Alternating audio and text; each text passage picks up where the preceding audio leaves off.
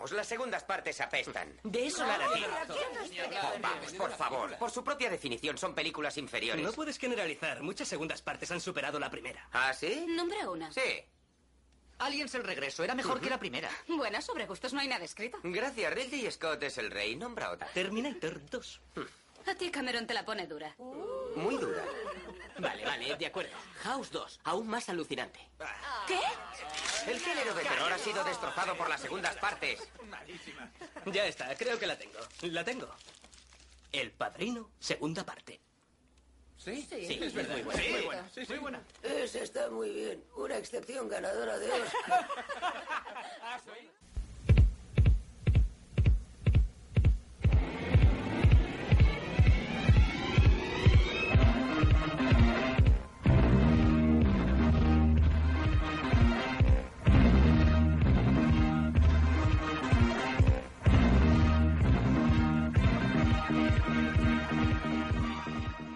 Bon dia, bona tarda, bona nit, depenent de l'hora que ens estigueu escoltant. Bé, ja estem al tercer programa de l'Això em sona, el programa, ja sabeu, de les seqüeles, preqüeles, còpies barates i remakes de Hollywood. I, com sempre, m'acompanya en Pau Garriga. Hola, Jacint, ben tornat. Com bé has dit, ja som al tercer programa. Anem endavant i avui us presentem un programa que farà bastanta por, en principi. Avui us cagareu al damunt perquè parlem de dues pel·lícules que han tingut bastant èxit. Les dues han sigut... Sí, no, no, han tingut molt d'èxit, tant de taquilla com de crítica, en els dos casos. I bé, que si ens heu anat seguint en el nostre blog i al Facebook, ja sabeu de què estem parlant. Uh, toca parlar d'Insidious i Expediente Warren, uh, The Conjuring. Sí, aquí, com sempre, quan estrena una pel·lícula... Expediente Warren. Qui Clar, que pensé, Insidious no la van canviar, no van ficar-la Insidioso. No, no, és Insidious. Sí. Per què The Conjuring no és The Conjuring a seques? Mm, Doncs no sé, Expediente Warren és que ara totes les pel·lis de terror acaben ficant Expediente davant, com Expediente X. Així i ja tenen està. algun Tens record un- estrany. Sí, penses en terror. I bé, eh, abans de començar a entrar a la teca, toca parlar de xarxes socials. Una miqueta com ens podeu trobar, com ens podeu conèixer i com podeu posar-vos en contacte amb nosaltres. Per, comen- exemple, tenim el Facebook, en res, que ben això em sona correctament, amb accents i tal, ens trobareu, som un castor. Un cast... Una marmota, Això, que una fa marmota. dos programes que diguem Castor i som una marmota. La marmota lila, doncs aquells som nosaltres.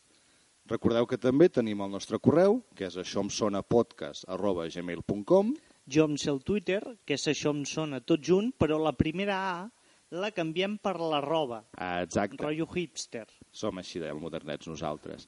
I a part també tenim el blog on cada dia us anem penjant una píndola sobre el tema que tractarem, que és això em sona.wordpress.com. I recordeu que ens podeu escoltar tant per iTunes com per iVox. Tot el que porti davant hi som. Us podeu subscriure al vostre canal i el que és més important, podeu fer likes i comentar el que us sembla els nostres programes en el canal. I compartir. S'ha de compartir el programa. Compartir, sigueu bones persones, compartiu amb la resta de la gent, no És sigueu gratis. egoistes, exacte. No et costa res. Com cada setmana, en Pau ha decidit que tenien que fer participar la gent. És la idea, si ens agrada que participeu. I podríem dir que la participació d'aquesta setmana jo la definiria amb una sola paraula, que és un fracàs absolut. Jo anava a dir, com que l'ha fet en Pau, és paupèrrima. Bé, ah! també és ben trobat aquí. Ah! Veu? Ara hem saltat de la por a l'humor d'un costat a l'altre. Bé, doncs aquesta setmana fèiem, canviàvem l'estil i fèiem pregunta oberta al Facebook, que pel que s'ha vist és un sistema que no serveix per res. I us preguntàvem quina és la vostra pel·li de terror preferida. Que consti que és una pregunta molt oberta, perquè fins i tot ara fa un moment fora de micro amb en Jacint parlàvem què era terror i què no era terror. Què volia dir que una pel·li de terror fos bona? La que t'ha fet més por o la que t'ha agradat més? Però bé, era una simple pregunta. La gent s'ha espantat. Segurament serà això. S'ha vist que era una pregunta molt complexa i han dit, saps què? Esperem que em preguntin alguna més concret. Doncs bé, hem preguntat això. Quina era la vostra pel·li de terror preferida? I hem tingut diverses respostes que agraïm moltíssim. Entre elles, gent que ha comentat El Exorcista, El Resplandor, dos clàssics del gènere, Lo que la verdad esconde, algo més moderneta. I està bé. Jo vaig passar-ho molt malament. És de les últimes pel·lis de por que recordo haver He vist. de fer un incís. Uh, que sapigueu que en Pau passa molta por amb totes les pel·lis de por. És més, jo, a mi no m'agraden les pel·lis de por. I és curiós perquè en Jacint i jo ens vam conèixer a través d'un curt de por que Sí? vaig fer jo, que molta por no feia, però venia a ser la idea. A la Cucullonet A la Cucullonet d'aquí Girona, que aquest any es tornarà a celebrar, perquè ho sapigueu. hem de fer un especial, a la Cucullonet. Això em sona a la Cucullonet. Bé, què més? Què més? Què tenim? Sí, tenim... Ens han comentat també Màrtirs, que jo personalment no la conec, no sé, et sona? Sí, la vaig veure a Sitges. Jo la És desconeixia. de la nova onada de terror francès amb molta sang, personatges pocs però amb una història al darrere. Estava molt bé, la veritat. També comentaven Alta Tensió, El Dark millor Water... d'alta tensió és quan es masturba la tia. No l'he vist tampoc. Jo et dic que és un gènere que jo he vist pel programa, o sigui, m'he sacrificat pels nostres oients, passant molta por durant 4 hores de la meva vida, mirant Insidious i Expediente Warren. Bé, És el que hi ha. com pot ser que una persona li agradi molt el cinema i no li agradi el terror? No m'agrada passar por. Però si és bo, treus mal rotllos. No, no, no, no, no. Jo vaig al cine a entretenir-me, a passar-m'ho bé, a cultivar-me cultivar intel·lectualment, Sí, clar, clar. no passar por. Mirant Superman. O l'ataque del tiburón de dos cabezas. També, un altre exemple. Aquesta sí que deu fer por. Exacte, sí, però fan més por els actors i les actrius que el tiburó, però bueno, deixem-ho estar. Bé, agraïm molt la vostra participació i sapigueu que la setmana que ve tornarem a plantejar una pregunta relacionada amb les pel·lícules que tractarem, que ja al final del programa sabreu quines són. Per tant, heu d'esperar per veure què parlarem d'aquí 15 dies. I dit això, ens toca parlar de les dues pel·lícules en qüestió, que són Insidious i Expediente Warren de Conjuring, com hem dit, que tenen moltes coses en comú i alhora moltes coses que les separen, segons el meu punt de vista. Una de les coses que els uneix és el seu director, que és James Wan. Exacte, que és el creador de les dues pel·lícules i que, a veure, per què és conegut James Wan? Per Sou, que és quan es va donar ah, a conèixer. Sí? Mai ho hagués dit. No, no et sonava? Ell és el creador de Sou i creador del curtmetratge amb què es va basar la primera pel·lícula, director de la primera pel·lícula, i després ja s'ha dedicat a produir la resta de... Em sembla que n'hi ha set, sis o set més, no? Ja fins a Sou 7, em sembla Sí. que s'han fet ara. A part, després de Sou, va fer Dead Silence i Death Sentence. O sigui, té una obsessió amb la mort bastant... Dead Sentence uh, va ser una pel·lícula que va passar molt desapercebuda, però que recomano absolutament a tothom. amb en Kevin Bacon, que ara podem veure The Following. Ah, sí? Sí, és sèrie veritat. que han fet ara fa... Sí. Que no he vist, però que m'han deixat bastant malament de com actua ell i lo demacrat que està. I també apareix a RIP D, R-I-P-D. Que és la pel·lícula que teníem que comentar en aquest programa, però ens han canviat de data. Gràcies a Déu que han canviat la data a últim moment perquè la pel·lícula ha sigut un fracàs Però si- absolut. tant, teníem coses per criticar, així, Per home. bé. Bueno. A més que Dead Sentence eh, s'aparta una miqueta, em sembla, del gènere que toca en One, perquè no és terror, no? No, és uh, pare de família venjatiu. Val. El que passa és que les escenes de venjança són bastant pel·li de terror.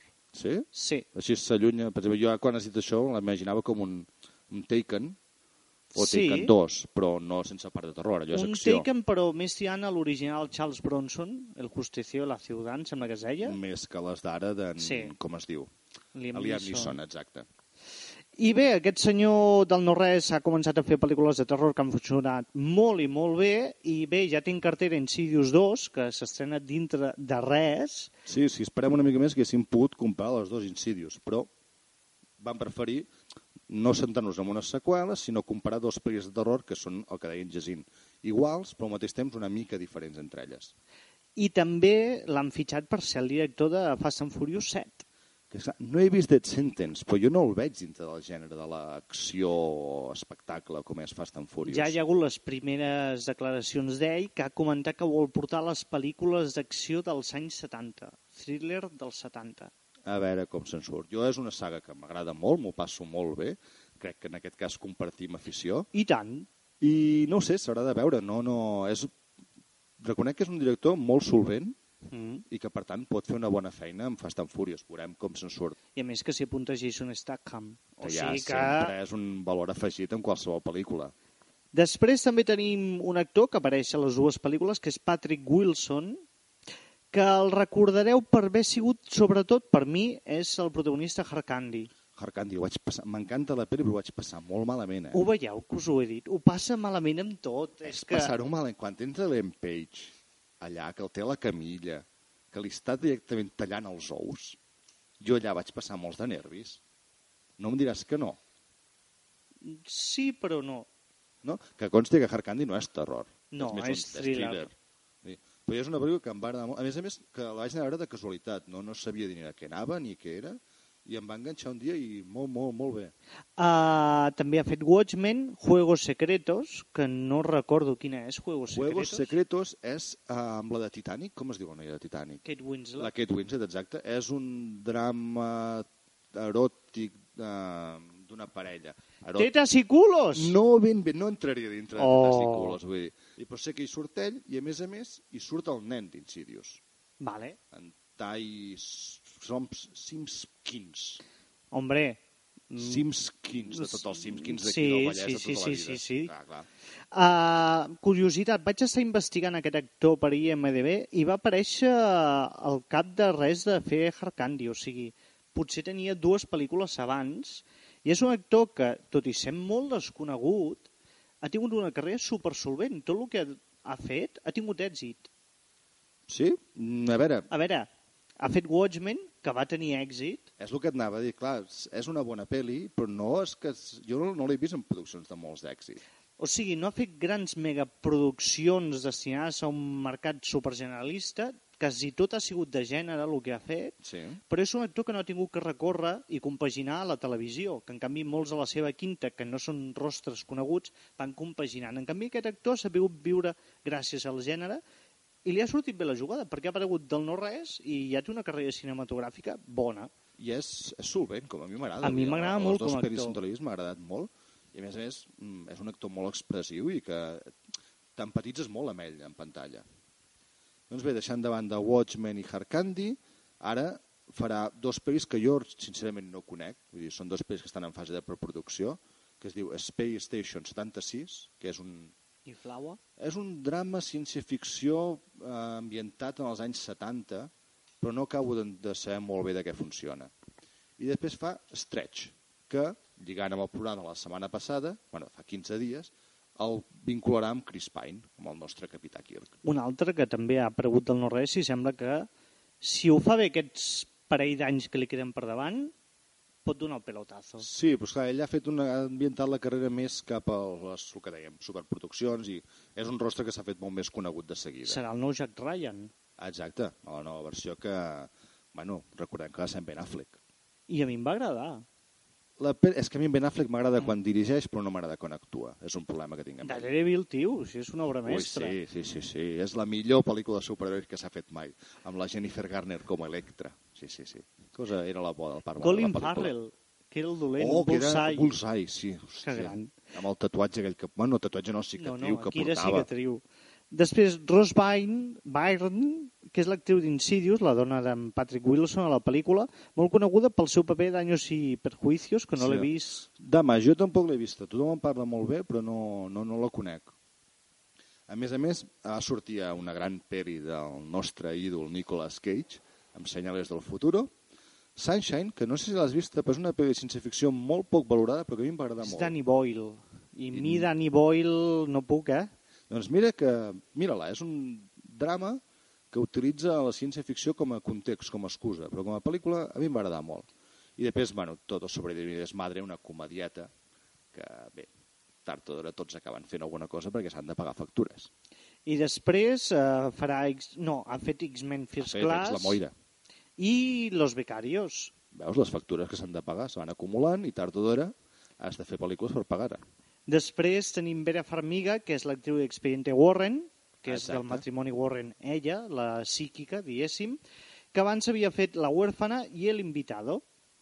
Exacte, i després s'ha fet... bueno, després no seria, perquè és gairebé simultani, on ara s'ha fet molt conegudes per uh, interpretar la mare de Norman Bates a la sèrie Bates Motel, que per cert tampoc he vist. Jo vaig veure els primers dos capítols i és que és horrorosa. Sí? No, no te... Jo és de les que tinc pendents, que la llarga llista de sèries pendents per veure, eh, Norm, uh, Bates Motel és una d'elles.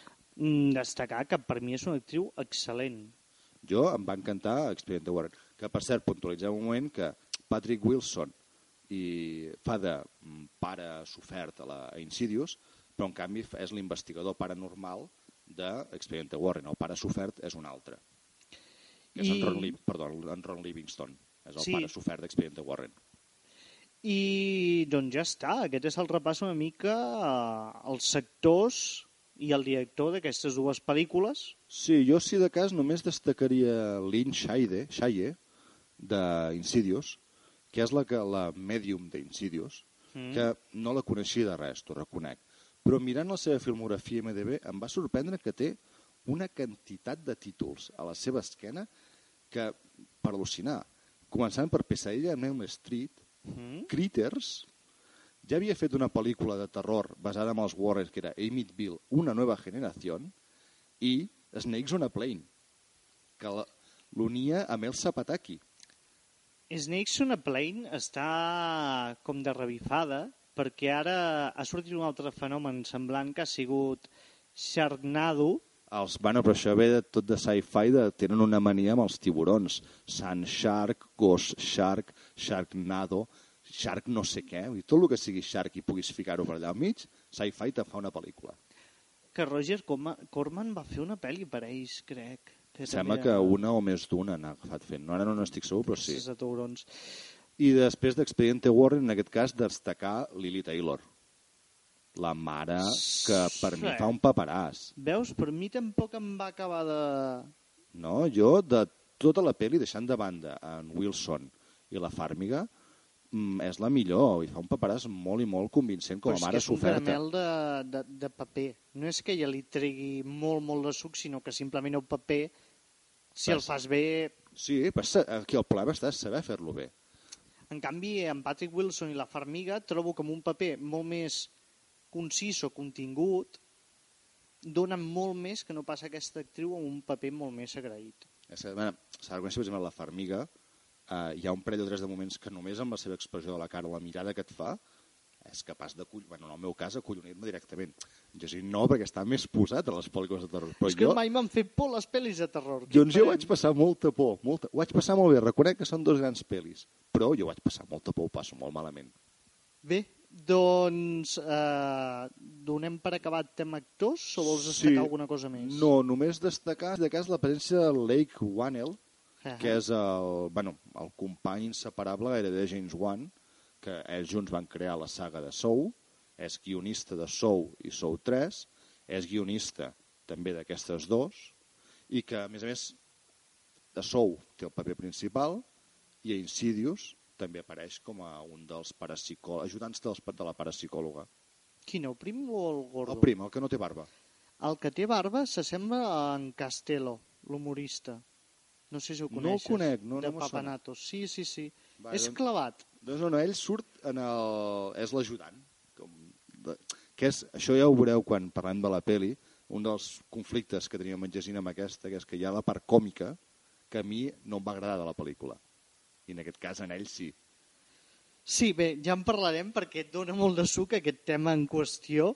Uh, anem a parlar de les pel·lícules, ara sí. Primer de tot parlem d'Insidious. Vols fer tu un resum o ho faig jo? Millor tu, et surten més bé els resums a tu que a mi. Gràcies. És, tothom té els seus punts forts i els seus punts dèbils. Bé, Insidious és la història d'una família que s'acaba de traslladar a una casa. Mm, el pare és professor, la mare és músic, Música, no? Sembla? Sí. O es vol dedicar a la música? toca el piano i tot això. Bé, van a una casa molt gran, tenen dos criatures, i resulta que... Tres. Un... Tres, perdó, bebè. i el bebè. Una de les criatures té un petit accident domèstic i queda com una espècie d'estat de coma i a partir d'aquí comencen a passar coses estranyes a la família. A poc a poc anem descobrint que en realitat no està en coma i anem descobrint aquestes presències que apareixen a la casa què busquen en realitat. Exacte, perquè tenen un objectiu que, a veure, és una pel·li del 2006, em sembla. Aquesta no la tinc ara controlada, quina, quina època. O més Més endavant. recent. Dos, 2000, no, no gaire més, 2009, com a molt, no ho posaríem? Dos... Bueno, això haurem de mirar-ho. Ja... Mira, 2011 va ser Sinister, 2010 va ser Doncs 2010, Insidious. sí, és més, més endavant del que pensava. Ah, no sé, ara m'he perdut, no sé què venia això. Estàvem Ah, mirant? que és una pel·lícula recent, És una pel·lícula recent, sí? però no sé per què has dit que era una pel·lícula recent. No, jo tampoc no sé què venia ara. Això de buscar l'edat se'ns ha perdut. Ah, suposo que devies voler fer spoilers. Ah, sí, és veritat. Doncs fent una pel·lícula recent, ai, no gaire recent, podem fer spoilers. Ja tothom la deu haver vist, no? Bé, Sí, ens ho passem pel spoilers. forro, fem Va bé. spoilers. Bàsicament el que volen és posseir el nen perquè els esperits necessiten un receptacle per entrar en el món dels vius. El que els pares això no ho descobreixen fins ben avançar la pel·lícula i com que es pensen que és la casa que està encantada, canvien de casa. Vet aquí una de les coses que fa Insidious una mica diferent a totes les pel·lis de cases encantades. Perquè normalment una casa encantada agafes marxes i els fantasmes es queden allà, se suposa. Però aquesta, com que no és la típica història de fantasmes, sinó que t'explica un món paral·lel on hi ha les ànimes tancades i que es volen escapar per posseir un cos i tornar a la vida, li dona una mica la volta a tot el que hem vist fins ara al gènere. Sí, és un punt d'originalitat que li concedeixo, realment, i a més, molt ben trobat en que no tracta totes les ànimes igual, diguéssim, hi ha fantasmes de baixa categoria, fantasmes tocapilotes gairebé, i després hi ha el fantasma dolent, que és el més poderós i el que està intentant més posseint el nen. que és el cosí germà d'en Darth Maul. Exacte, sí, se deuen ser parents, més o menys. I... Que, per cert, molt... és el compositor de la música de la pel·lícula. En Joseph Bishara, que deu tenir una part de músic i una part d'actor, perquè actua a les dues pel·lis, tant a Expediente Warren com a Insidious. Quins bé- papers fa? Explica-ho Ah, bé. perdó. Sí, fem spoilers. No, en el... a Insidious fa el paper de el fantasma aquest dimoni de la cara vermella i eh, Expediente Warren fa el paper de la bruixa Bet Batzeda, Batshida o alguna cosa Sí, així. una cosa Que és rara el fantasma dolent que està eh, assetjant a la família. Però seguint amb l'argument, és el que deies, el nen entra en un estat de coma, demanen una ajuda a una mèdium, una psíquica, perquè eh, els recolzi o els intenti ajudar molt a l'estil poltergeist, Mm. eh, tornar el seu nen a la, a la realitat, diguéssim. Cosa que es descobreix que el pare, quan era jove, també havia patit el mateix síndrome paranormal, en podrien dir. Sí. Fa viatges astrals i el nen sap per fer el viatge molt lluny i no sap tornar, pobret. Viatges low cost, amics, és el futur. Sí, doncs clar, si et perds, pilles, eh? Clar, nen. eh, és el problema. Has de saber-ho controlar. Clar, clar, clar. No, doncs el pare també ho sabia fer. I miraculosament li borren la memòria i, i dic miraculosament perquè es veu venir des de gairebé al principi de la pel·lícula. Una de les primeres imatges que tens és la mare mirant un àlbum de fotos i el nen li pregunta ¿Podemos ver fotos de papá de pequeño? I la mare diu, ai no, no hay ninguna. Ja veus que alguna cosa rara passa.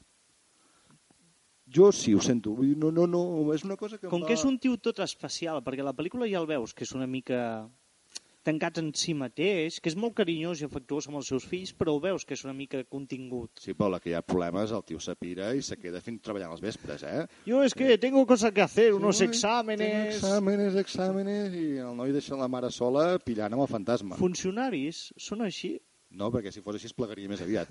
és veritat. Però bueno, hauria sortit per anar a esmorzar. Doncs bé, descobrim això i després ja hi ha el, diguéssim, el tram final de la pel·lícula on el pare entra en aquesta espècie de món dels fantasmes, que per cert, la pel·lícula, abans era Insidious, es havia dit de Further, De fúrcia, de Furcia, sí, exacte, i d'Astral, fent referència... d'astral, molt bé. D'Astral, ah. Que bé, de Further ve a ser el més allà, fent referència al món aquest, i d'Astral ve a ser els viatges astrals que porten el nen en aquest més enllà. Insidious no sé per on te van treure-ho. Perquè mitja pel·lícula diu és un fantasma insidioso. Ah, i d'aquí Eh, va. és que amb aquesta segon visionat vaig dir ah, d'aquí surt el títol perquè ho cola enmig del guió i ja pum! Clar, quan fas una pel·li amb un títol raro, has de deixar-lo anar al mig de la pel·lícula. Si no, la gent no se'n recorda. Doncs bé, diguéssim que fa el viatge en aquest lloc del més enllà i després, mm, diguéssim que lluita amb un fantasma del seu passat per recuperar el seu nen i té un final que no desvetllarem perquè tampoc som tan cabrons, però que a mi em va sorprendre. Realment, sí. I que la segona part, què? La segona part, hi ha dues coses, clar, és que aquí tornem a fer un spoiler. La, la Medium està en el repartiment de la segona part. I diguéssim que la primera no acaba excessivament bé, la noia. Senyora, ja, diguéssim, seria senyora més aviat. Però, bé, deixa obert tranquil·lament per una segona part de lluny. I, Sí. No, i estava... no sé si tenia clar que li concedirien abans d'acabar la pel·lícula o no, però com a mínim tenia molt clar que la volia fer, perquè és un final molt obert. Jo crec que el director tenia bastanta confiança en la pel·lícula i que esperava repetir l'èxit de Sau i intentar fer un, una sèrie. Pot ser, tot i que és, eh, Sou va ser més... Aquesta és més clàssica, per tant no era tan assegurat l'èxit. Jo trobo més clàssica Sau fins a cert punt. Sí? Perdoneu que li digui Sau, però m'agrada recordar el grup de música. Boig per tu, és el que té. I... És un romàntic. Sí, sí, en el fons no em fan por les pel·lis de por, però sóc un romàntic i tinc sentiments. Doncs, eh, pel que jo he llegit, ell té molt clar que vol fer-ne una sèrie llarga. Veus? Eh, a mi les sèries llargues, a la llarga s'acaba, valgui la redundància, acaben perdent força i baixant Hòstia, molt. però ha descobert un món nou, s'ha creat tot un món nou que es pot explotar, no només a través d'aquesta família, d'altres. Món nou, això ho discutirem més endavant, perquè a mi de nou, una cosa que té James Wan, de nou no en té res, o gaire res. Veus, Insidious jo trobo que és una reformulació de vells plantejaments i que li dona la volta completament i s'inventa nous conceptes. Com Expediente Warren sí que trobo que és un Max Mix. Molt més clàssica, sí, sí, agafa... Però Insidious per mi fa el mateix, agafa... Reconec que és capaç d'anar un punt més enllà del que era el clàssic, però la base, la idea base és la clàssica de tota la vida, de casa encantada, amb un fantasma que vol posseir una persona, poltergeist, tranquil·lament, però sí que és capaç de donar-li un Poltergeist, si punt t'hi més enllà. fixes bé amb la pel·lícula, no et deixa clar res. No, no, per això et dic, agafa la base i la porta al seu terreny, cosa que fa molt bé. Mm. Però sí que la base original no és original. Veus, jo crec que juga amb això, que et planteja potser un principi típic i després li sap donar la volta i es crea aquesta paranoia al món dels somnis amb un tio que es gima les ungles. que és la part que menys em va agradar a mi i el que em va fer marxar de la pel·lícula, diguéssim. Com a Warren vaig estar enganxat les dues hores que dura gairebé, Insidious hi ha la ter un tercer acte que no, no em va acabar d'agradar. Però bueno, ja hi entrarem. Sí. I Seguim ara amb Expediente Expediente Warren. Warren, de Conjuring. Bé, aquesta pel·lícula està basada, segons ells, en fets reals. Sí, sempre segons... Home, hem penjat en el blog una entrevista a la Lorraine Warren Sí. que, com a mínim, ella s'ho creu molt el que explica. O ho ven molt bé. Perquè Ah, això també, perquè anava a dir que Jiménez m'agradaria saber què es creu i què no, i t'ho ven molt bé tot. Bé, de què va la pel·lícula? Doncs això, com dic, està basat en fets reals, concretament en una experiència que va viure el matrimoni Warren, que era un parell de parapsicòlegs als anys 70. Si ell era demonòleg, Sí. que no sé què has d'estudiar per ser demonòleg, però seria xulo saber-ho, Sí, no? i ella és mèdium, Sí. que, cosa que salta, crida l'atenció de la pel·lícula, que es fan classes de demonologia a les Mhm. universitats. Jo no hi era això en lliure, crèdits de lliure elecció a la meva carrera. No sé, m'hagués agradat anar allà, a cases encantades... Però és que als Estats Units està molt més assumit que aquí. Aquí encara anem en capellans quan passen coses a parapsicologia. Estan molt més evolucionats que nosaltres. Doncs bé, aquest matrimoni eh, els va venir una senyora que tenia problemes a casa seu amb els seus fills, que la casa semblava posseïda o encantada o que hi havia fantasmes o alguna presència estranya i li va demanar ajuda. I aquest matrimoni afamat la, va anar a casa seu per ajudar-la a combatre aquestes forces o mal, per dir-los d'alguna manera. Sí, mm, seguim jugant amb el mateix. Una força maligna que vol aterroritzar una família per un motiu. Uh, que això en parlàvem abans. Mm, L'argument d'Expediente Warren es pot dividir en dos. Tens, per mi, hi ha gairebé dues pel·lícules en una. Un resum vindria a ser el que has fet i l'altre seria la part de la família i la part dels Warren, que són gairebé dos pel·lis diferents fins que al, al cap d'una hora o una hora i mitja que s'acaben fusionant en una sola pel·lícula. Que per mi és un dels problemes de la pel·lícula. Sí? Perquè al principi a mi em semblava que anava sobre el matrimoni i com ho veu des de fora.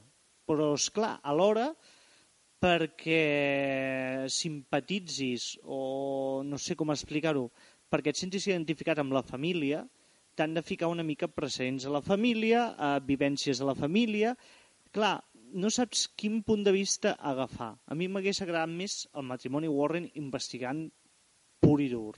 Clar, jo suposo que presentar una pel·lícula clàssica de la Casa Encantada, que és el que estaves comentant, dels Parron, em sembla que dius, que per ser americans, el nom Parron devia portar bastantes bromes quan eren petits, però bueno. Necessites, ser basat en un cas real, eh, necessites situar una mica qui són els Warren i què fan, i presentar-los. A més a més, sempre, per lo que ells diuen, és un dels casos que més els va marcar i que més mm, terror els hi ha portat de tots els casos paranormals que han investigat. I per tant suposo que fer una mica d'homenatge a la família i explicar com van viure ells des de fora aquest cas és el que obliga James Wan a fer dos pel·lícules que s'acaben unint amb una... Pues jo hagués estat molt d'acord en que m'expliqui la història de la família i que el matrimoni Warren fos més secundari.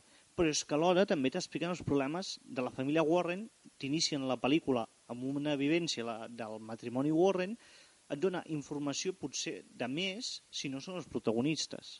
Clar, però si diguéssim que això és el que va passar en realitat, necessitaves explicar-ho. Tu no pots fer sortir la nena, la nina o la nena La de Nina, això ho sense explicar-ho. Això de la Nina Ai. és un truc a la màniga del director que fa per donar una mica de personalitat o enrair una mica més l'ambient, per donar-hi una volta més a tota la història i...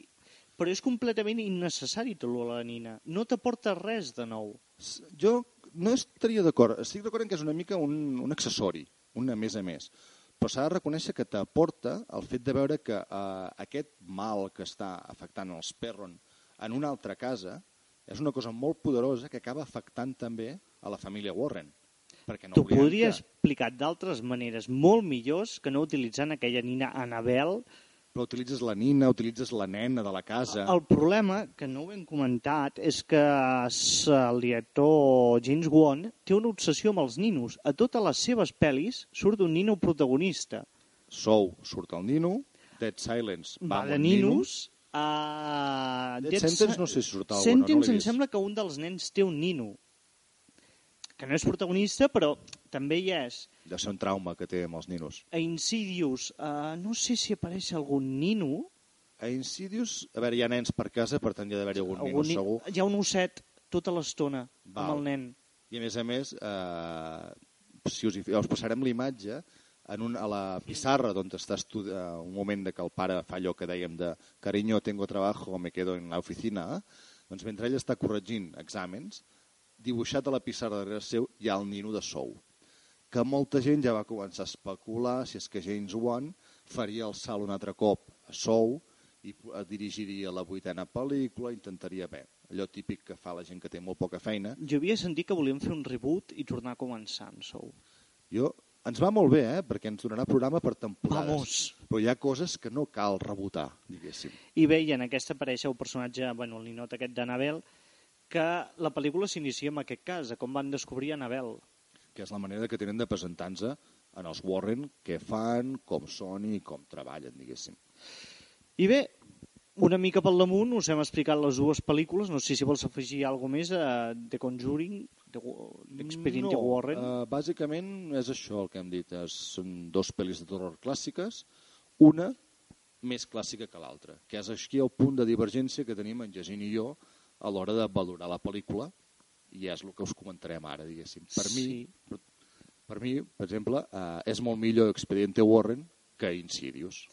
Bé, amics, estàveu esperant que per fi tinguéssim divergències d'opinió i en aquest tercer programa, la tercera va a la vençuda, i tenim molta divergència, perquè per mi la bona és Insidious. Però Insidious comença molt bé. Per cert, tornem al mateix, eh? no sóc molt fan del cinema de terror, però jo si vull anar a una pel·li de terror és perquè em faci por, no per fer-me riure. En algun punt sí, eh? però no. Uh, la pel·lícula Insidious comença molt bé. Té un primer terç de pel·lícula que realment és angoixant, tens espans, tens sustos, hi ha moments de, per mi, eh? uh, de passar por, Després salta un moment còmic que s'agraeix perquè relaxa bastant l'ambient, que els que l'heu vist és quan apareixen els equips d'investigadors paranormals i comencen a preparar-ho tot. Però després ja entrem en una espècie de món David Lynch, fantasia, eh, anada d'olla, amb el que deia abans en Jacint del el dimoni aquell afilant-se les ungles, que jo em va fer separar-me completament de la pel·lícula i per mi va baixant aquí, és quan perd tota credibilitat. Ara és quan jo vaig una mica de crític cinematogràfic i m'agradaria comentar que el que a mi m'agrada Insidious és que fa un repàs a les tres dècades de, de terror. A veure, O sigui, la primera, eh, Casa Encantada i tot això, diguéssim, una família que arriba a una casa, és 70s. Els 70s va ser quan va començar a aparèixer el fenomen Amityville i tot això, mm -hmm. Després ja va ser la conclusió final Poltergeist, que ja és 80, però els 70 és quan es va iniciar aquesta moda. Després dels 80, el cinema de terror va agafar un tom molt més humorístic, van començar a aparèixer els personatges que investigaven fenòmens paranormals i tot això, i per últim, als 90, eh, l'humor va començar a quedar apartat i es va entrar una mica en el món de la fantasia, que ve marcada sobretot als 90 pel personatge Freddy Krueger que vivia en el món dels somnis. Però sí, però Freddy Krueger feia por al món dels somnis. Era fantasia, eren situacions absurdes, diguéssim, però que mantenien aquest toc de por. Jo, un moment en què el pare entra allà amb les habitacions vermelles, el dimoni, que a mi el dimoni aquell m'havia ginyat durant tota la pel·lícula, i en moments en què no el veia, em feia por. A partir d'aquell moment ja només em feia que gràcia. Però fixa't en un detall, quan apareixen tots els fantasmes per la casa, si t'hi fixes, depèn de qui veu el fantasma, o depèn de l'única persona que sigui present, el fantasma té un aspecte o un altre. Sí, però això ho vaig trobar molt encertat en el primer moment en què el pare entra en el món dels somnis i veu aquella família que acabes descobrint que la nena és la que mata els pares. Ves, en aquell moment sí que, perquè més és cosa d'un salt d'un frame. Estan serios i de cop fan un somriure macabre que m'acolloneja el més pintat. En allà sí, però quan el pare ja té el nen i comencem a veure que allò més que fa una casa encantada sembla la Rambla de Barcelona, plena de gent, volent abraçar, agafar... I que el pare passa per allà tran...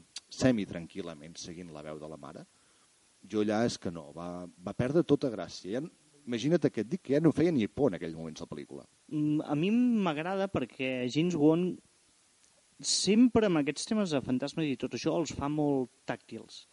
Són materials, els seus Massa. fantasmes. I a mi m'agrada perquè a mi els fantasmes que són una boira, que a mi una cosa que et pot tocar, que, que és Però pensem, això, matèria, això en parlàvem abans també. Uh, el, per mi el moment més bo de les dues pel·lícules és un moment on no veus el fantasma, o no veus l'ent paranormal que eh, acosa la família. En el moment en què, en què comences a veure tot de fantasmes més físics, com dius tu, jo és que tenia la sensació d'estar al tren de la bruixa o a, a la casa encantada de Fires. però això és eh, recurs de guionista. Saps que si la presència mai es veu, Millora. no. Jo, per mi, la peli és molt millor quan no veus, quan t'intueixen el fantasma o l'esperit, però no l'acabes de Per veure. què Alien funciona? Alien, no veus l'Alien fins gairebé al final de la peli. Però l'acabes veient, si no el veiessis mai, I estic d'acord, per això a mi Warren em va agradar. Warren no vas veient el fantasma fins al final. I quan el veus, segueix fent por. No passa allò al moment aquest de que dius què és aquest Darth Maul de segona Però- que està aquí? com que Expediente Warren es divideix la història en dos, no empatitzo tant ni amb uns ni amb els altres, i per això em deixa molt indiferent. Jo no vaig patir perquè li passés res, ni a la família ni al matrimoni. Doncs jo vaig patir com un puta, En canvi, eh? la família, que l'he seguit tota la pel·lícula constantment, com ha evolucionat tot i tot això, patia. Però és que ni la pròpia família pateix Insidious. O sigui, jo hi ha un moment en què vaig la- preguntar on te són els altres nens? O sigui, els Amb pa- la mare, amb l'àvia, perdó. No, l'àvia està allà a l'habitació amb ells també. O sigui, els nens, que el nen deu tenir 6 anys o 7 i l'altre que és un bebè, els tenen sols en una altra casa que, pobrets, potser estan passant gana i els hi suda el rabo el que passi amb els nens. Terror psicològic, veus, veus, veus? Ah, esclar, o sigui, el terror estava en pensar què els hi passava als altres nens, no el nen que És. Insidious 2. El que Ahí no està. hem vist, passa allà. Arribaran a la casa i trobaran els nens fantasmes, també. Què més? Uh, defensa amb De Warren. Warren. Per mi, The Warren és molt millor perquè és capaç de mantenir el nivell de terror durant tota la pel·lícula amb, com t'ho diria, sense aquest... Té algun puntet còmic, no tant com a Insidious, té alguna brometa petita, sense caure, diguéssim, amb, per mi, eh, en aquest toc ridícul que acaba agafant eh, Insidious al final. Home, el xèrif o policia tonto, Però és el toc còmic, és un personatge secundari que serveix per això, però no com a uh, Insidious, on realment és l'últim terç de pel·lícula, que és tot però per mi còmic gairebé. l'últim terç per mi no és còmic Insidious, és la meitat de la pel·lícula. És la segona, el segon terç, sí. Quan hi ha la presència dels investigadors per primer cop, parapsicòlegs i tot això, sí que hi veig un to còmic. Però al final, quan aquest tros moment en què el fantasma deixa de fer por per només estar per allà, vull dir, no, no, no... Què hi fa enfilant-se les ungles, per l'amor de Déu? Perquè Amb un la musiqueta, la nen- musiqueta aquesta fantàstica, rara. No, no, bueno, fa- fantàstica en plan de fantasia, no que és una música fantàstica. No, no, a mi em va tirar... En canvi, Expediente Warren, reconeixent que és una història molt clàssica i que veu de pel·lícules... O sigui, és gairebé un homenatge al que és el cine de terror dels anys 70, perquè, no fotem, la mare es diu Caroline, Mm. com la nena de Poltergeist. I un dels primers moments on el pare comença a veure que hi ha coses rares per allà, tens la tele encesa amb la típica Mm. boira mateixa de Poltergeist. Doncs tot i això, ai, també un homenatge a Hitchcock amb els pàjaros, etc etc. Sí. Sí, vindria a ser. Però és que això passa realment en cases encantades. Sí, jo a mi em passa cada dos per tres. No, és veritat, eh? Es veu Ah, sí? que... No, no. Sí, sí, sí, és un fenomen bastant comú en cases encantades. Que deixa tontos els ocells. Uh, S'estrellen, perden el rumb. No, no, curiós, no, no ho sabia. Veus? Cada dia escolteu el nostre programa, aprendreu coses noves. És que també s'ha de dir, jo soc bastant aficionat a temes de parapsicologia i tot això. I... Na- Anava dient, tot això que diuen, fins aquí té explicació lògica. Si ho han exagerat ja, Bé, però això és per donar una mica de gracieta a la pel·lícula. és com el gos mort, que apareix el gos mort i ni... no, eh, apareix mort i ja està. No t'expliquen ni per què ni res. Tinc un company que diu, si el gos mor, la pel·li és bona. Hòstia, no, no ha vist Stephen King la tienda. Però Perquè és Jurassic, dolenta. o Jurassic Park 3. No, la 2 és la que mor el gos. A la 2 a mi em va agradar. No, man, bueno, Jurassic Park serà un tema a part, la 2. Aquest sí que portaria conflicte. És impossible que t'hagi agradat Jurassic Park A mi 2. m'agrada més la 2 que la 1. Va en sèrio. Senyors, fins aquí això em Julian sona Moore! Matthew Vaughn! un tiranosaure rex en plan King Kong al mig de Nova York. Per Que ja ho volia fer la primera però no tenia prou pressupost. Que hi ha moments en què fa 3 metres i hi ha moments en què fa mig metro. Depèn de l'angle. Depèn de l'angle. Mira en Pujol, hi ha vegades que sembla alta. Alta, perdó. Alt. Molt honorable presidenta. Bé, deixant això, diguem que Expediente Warren argumentalment és molt clàssica, no, no aporta per mi res de nou en el, el gènere. Però com a factura i com a pel·lícula que et manté enganxat a la cadira durant les dues hores que dura, és molt millor que Insidious. Veus, jo el veig molt més contingut a l'Iecto, que sub... també s'ha de destacar una cosa, Insidious és una pel·lícula que va costar, si no has Un comentat, milió i mig va costar i em va recaudar 90, gairebé 100. És de la productora Blumhouse, que fa productes així de terror barats, però que tenen molt d'èxit. L'última ha sigut eh, La noche de les bèsties, Uh, diria que si us en, vam, us en hem deixat un, una entrada Sí. al nostre blog on podeu veure una miqueta la història, com ha sortit aquesta productora i què està fent. que pel que destaca és per donar llibertat absoluta als seus directors a canvi de pressupostos petits. Em sembla que tenen el, els fiquen un límit de 5 milions Cinc de milions. pressupost. Que estic segur que hi ha directors que per això ni s'aixequen de la cadira. En canvi, James Wan i d'altres aconsegueixen resultats molt bons amb aquest pressupost. La nova de Rob Zombie va costar això un milió o dos. Lords of Salem, no, no Sí. l'he vist. No, que consti que n'he sentit de parlar bastant malament, però no l'he vist. És curiosa, com a mínim. Val, no, no, no. I en canvi, Expediente Warren és de Warner. que no té un pressupost molt elevat, perquè són 15 milions d'euros. Que avui en dia, amb 15 milions d'euros... mm, O, sí, alguna comèdia, la primera Sí. de Resacon va valer això. Sí, encara La són... primera. Podríem considerar pel·lis petites amb 15 Sí. milions d'euros. Sí, sí. I, a veure, va pel camí de moment de triomfar bastant com a fer Insidious. Clar, els números són diferents, d'un milió i mig en recaudes 90, amb 15, ara em porten, em sembla que són uns 40, 45 recaptats. Doncs clar, la campanya de màrqueting que li dona a Warner És molt més forta. farà que recapti bastant més, suposo, que Insidious. que suposo que Insidious va triomfar molt al boca orella. El fet de... O sigui, la gent que la va anar a veure, que era aficionada al gènere, i que va anar recomanant-la a altres gent, mentre que Expediente Warren, gent com jo, per exemple, deixant de banda que n'havia sentit a parlar fins i tot abans de pensar en el programa de fer-la. Bé, doncs, eh, perquè, clar, si, si mires, per mi, eh, Expediente Warren és molt més rodona com a pel·lícula que Insidious. A mi, ja et dic, els problemes per mi més que res, que no, no s'entra ni amb una família ni amb el matrimoni, al final, sobretot, em va fallar moltíssim aquest toc eh, catòlic, exorcismes i tot això. És un tema que em té molt cansat. Jo entenc que fer una pel·lícula de fantasmes i trobar un final lògic És molt complicat, molt. Sí, No però... hi ha cap pel·lícula que ho facin bé, que jo hagi vist fins al moment, cap. Clar, jo crec que, enteneu, és entre cometes, eh? si està basat en fets reals, trobo lògic que hi hagi la part catòlica. Estem parlant de dimonis, que entenem serien, per lo que entenen ells, Que la dimon- família no hi creu, que el matrimoni Warren hi creu fins a cert punt, Crec que la família Warren creu en, no en el bé i el mal, tipus cel, infern, àngels, dimonis, sinó en el fet de presències malvades. Mm. Però la manera d'expulsar aquestes presències sí que reconec que, segons ells, amb l'ajuda de Déu i de la força i el... O sigui, fer un exorcisme clàssic, diguéssim, com l'exorcista. I ve ser el mateix. que a més hi ha un... com dir-ho? Un... Hace un... ex- No, hazte exorcista para dummies, perquè, hòstia, el capellà no està, lo hago jo. A mi això és una de les coses que em va fer gràcia de la pel·lícula. O sigui, quan ells arriben a la Molt casa... de Déu no, no, no, no hi intervé. Si és un tio que... Bueno, jo ho he vist com A fa... veure, els de Supernatural fan exorcismes cada dos per tres. Hòstia, no comparem el to si ells, dos ho pot, si ells dos ho poden fer, qualsevol ho pot fer-ho. Si el tio aquell que jo per mi que deu anar, escou, bueno, deu anar cuit dels ous cada dos per tres, perquè no he vist ningú caminar tan aixarrancat com un dels protes de Supernatural. És capaç de fer exorcismes. Jo crec que en Patrick Wilson també se'n pot sortir.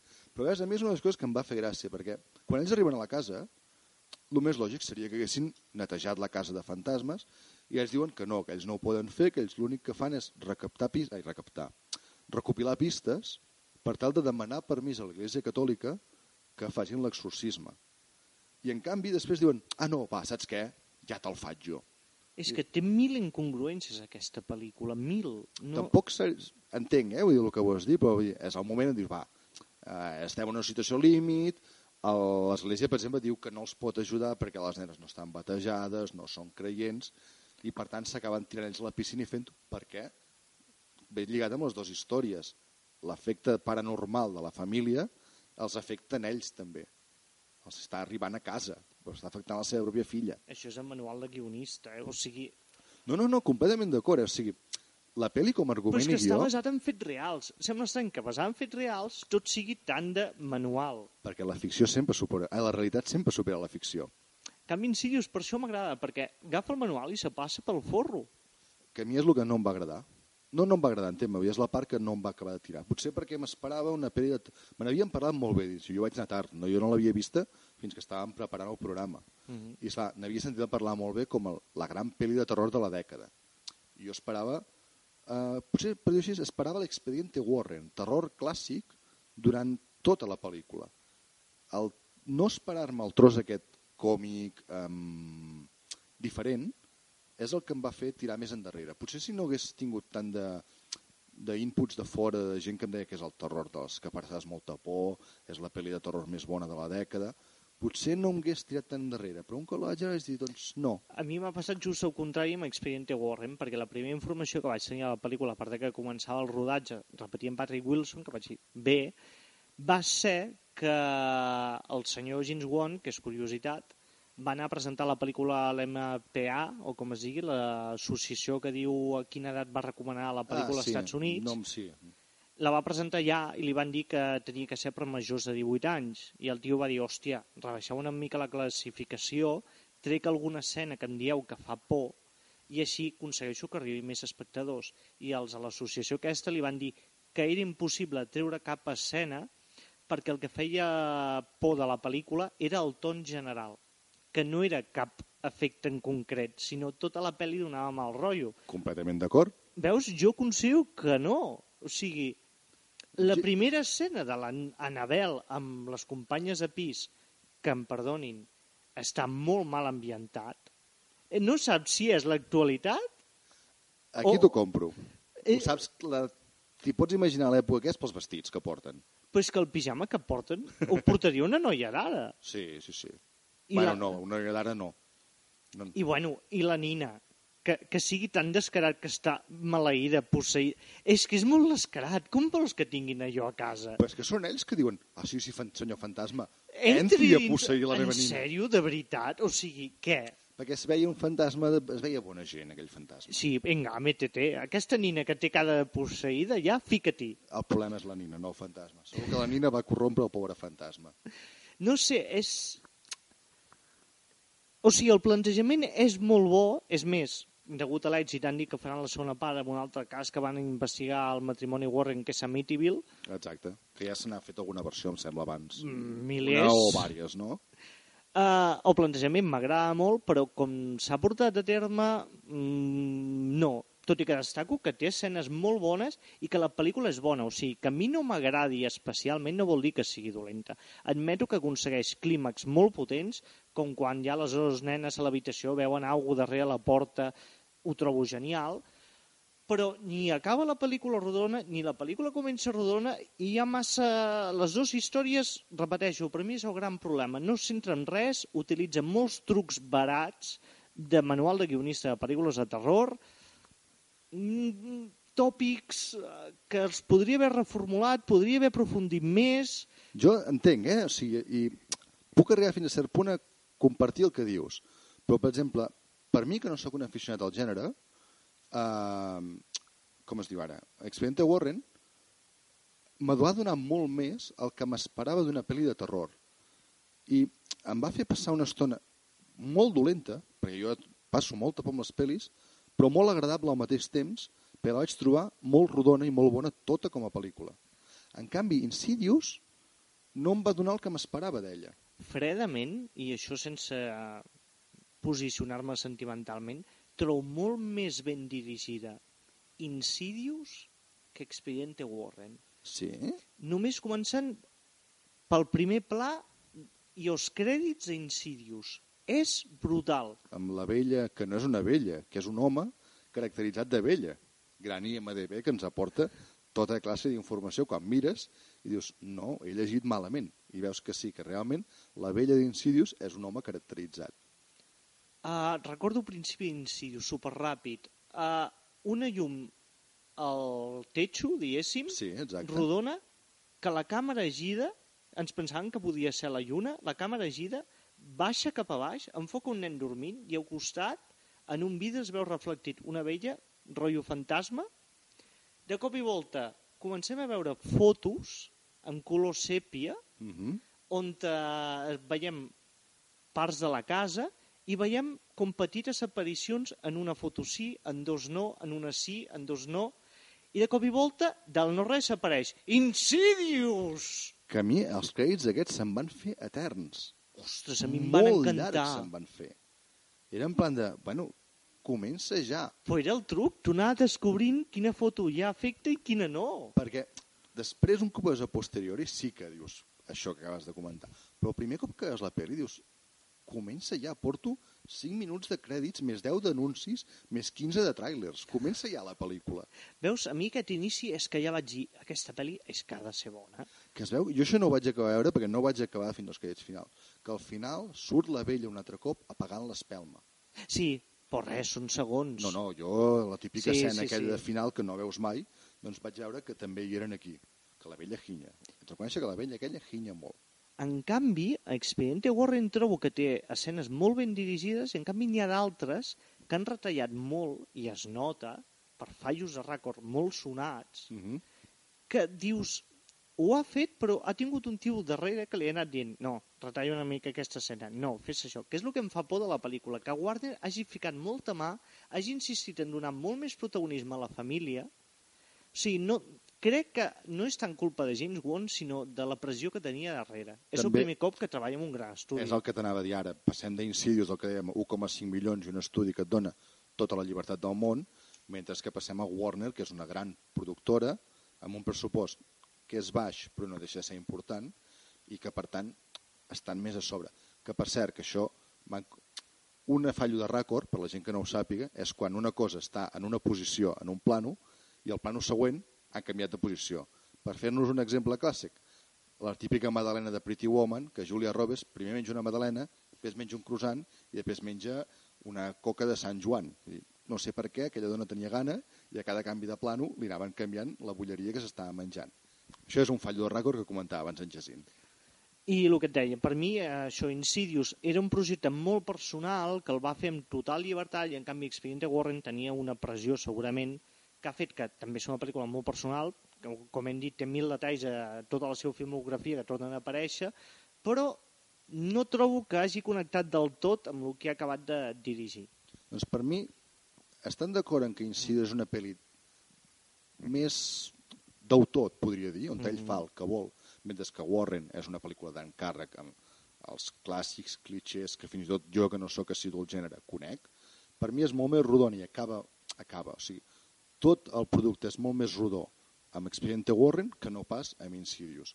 Que estic d'acord amb tu, igual, que no m'agradi no vol dir que sigui una mala pel·lícula. Mm -hmm. Trobo que està ben feta, està molt ben dirigida i que James Wan, en els dos casos, ha aconseguit un bon, un bon producte. Però em quedo de lluny amb Expediente Warren. Doncs com que ho tenim tan clar, em sembla que hem de començar a fer el millor, el pitjor i mm, puntuacions. Exacte, que avui sí que ja crec que en el meu cas, com a mínim, baixarem de les, de les notes altes que estàvem durant. Uh, comencem per Insidious. Insidious, Uh, començo pel millor i el pitjor. d'acord? Uh, per mi el millor Insidious és com explora la mateixa història sempre, però en el fons parla d'una altra cosa. I el pitjor d'Insidious potser és que està molt marcat.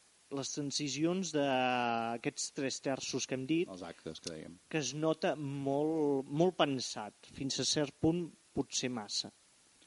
Per mi el millor d'Insidious és una escena, que és l'escena on la mèdium entra en contacte en primer cop amb el nen, que sense que tu vegis res, ella li està explicant al seu ajudant com és l'es- l'esperit l'esperit malvat aquest que hi ha, i és una escena que jo vaig passar fatal, on no veus res, simplement veus una dona mirant al sostre, una part fosca, i jo allà vaig passar molta por mirant-la.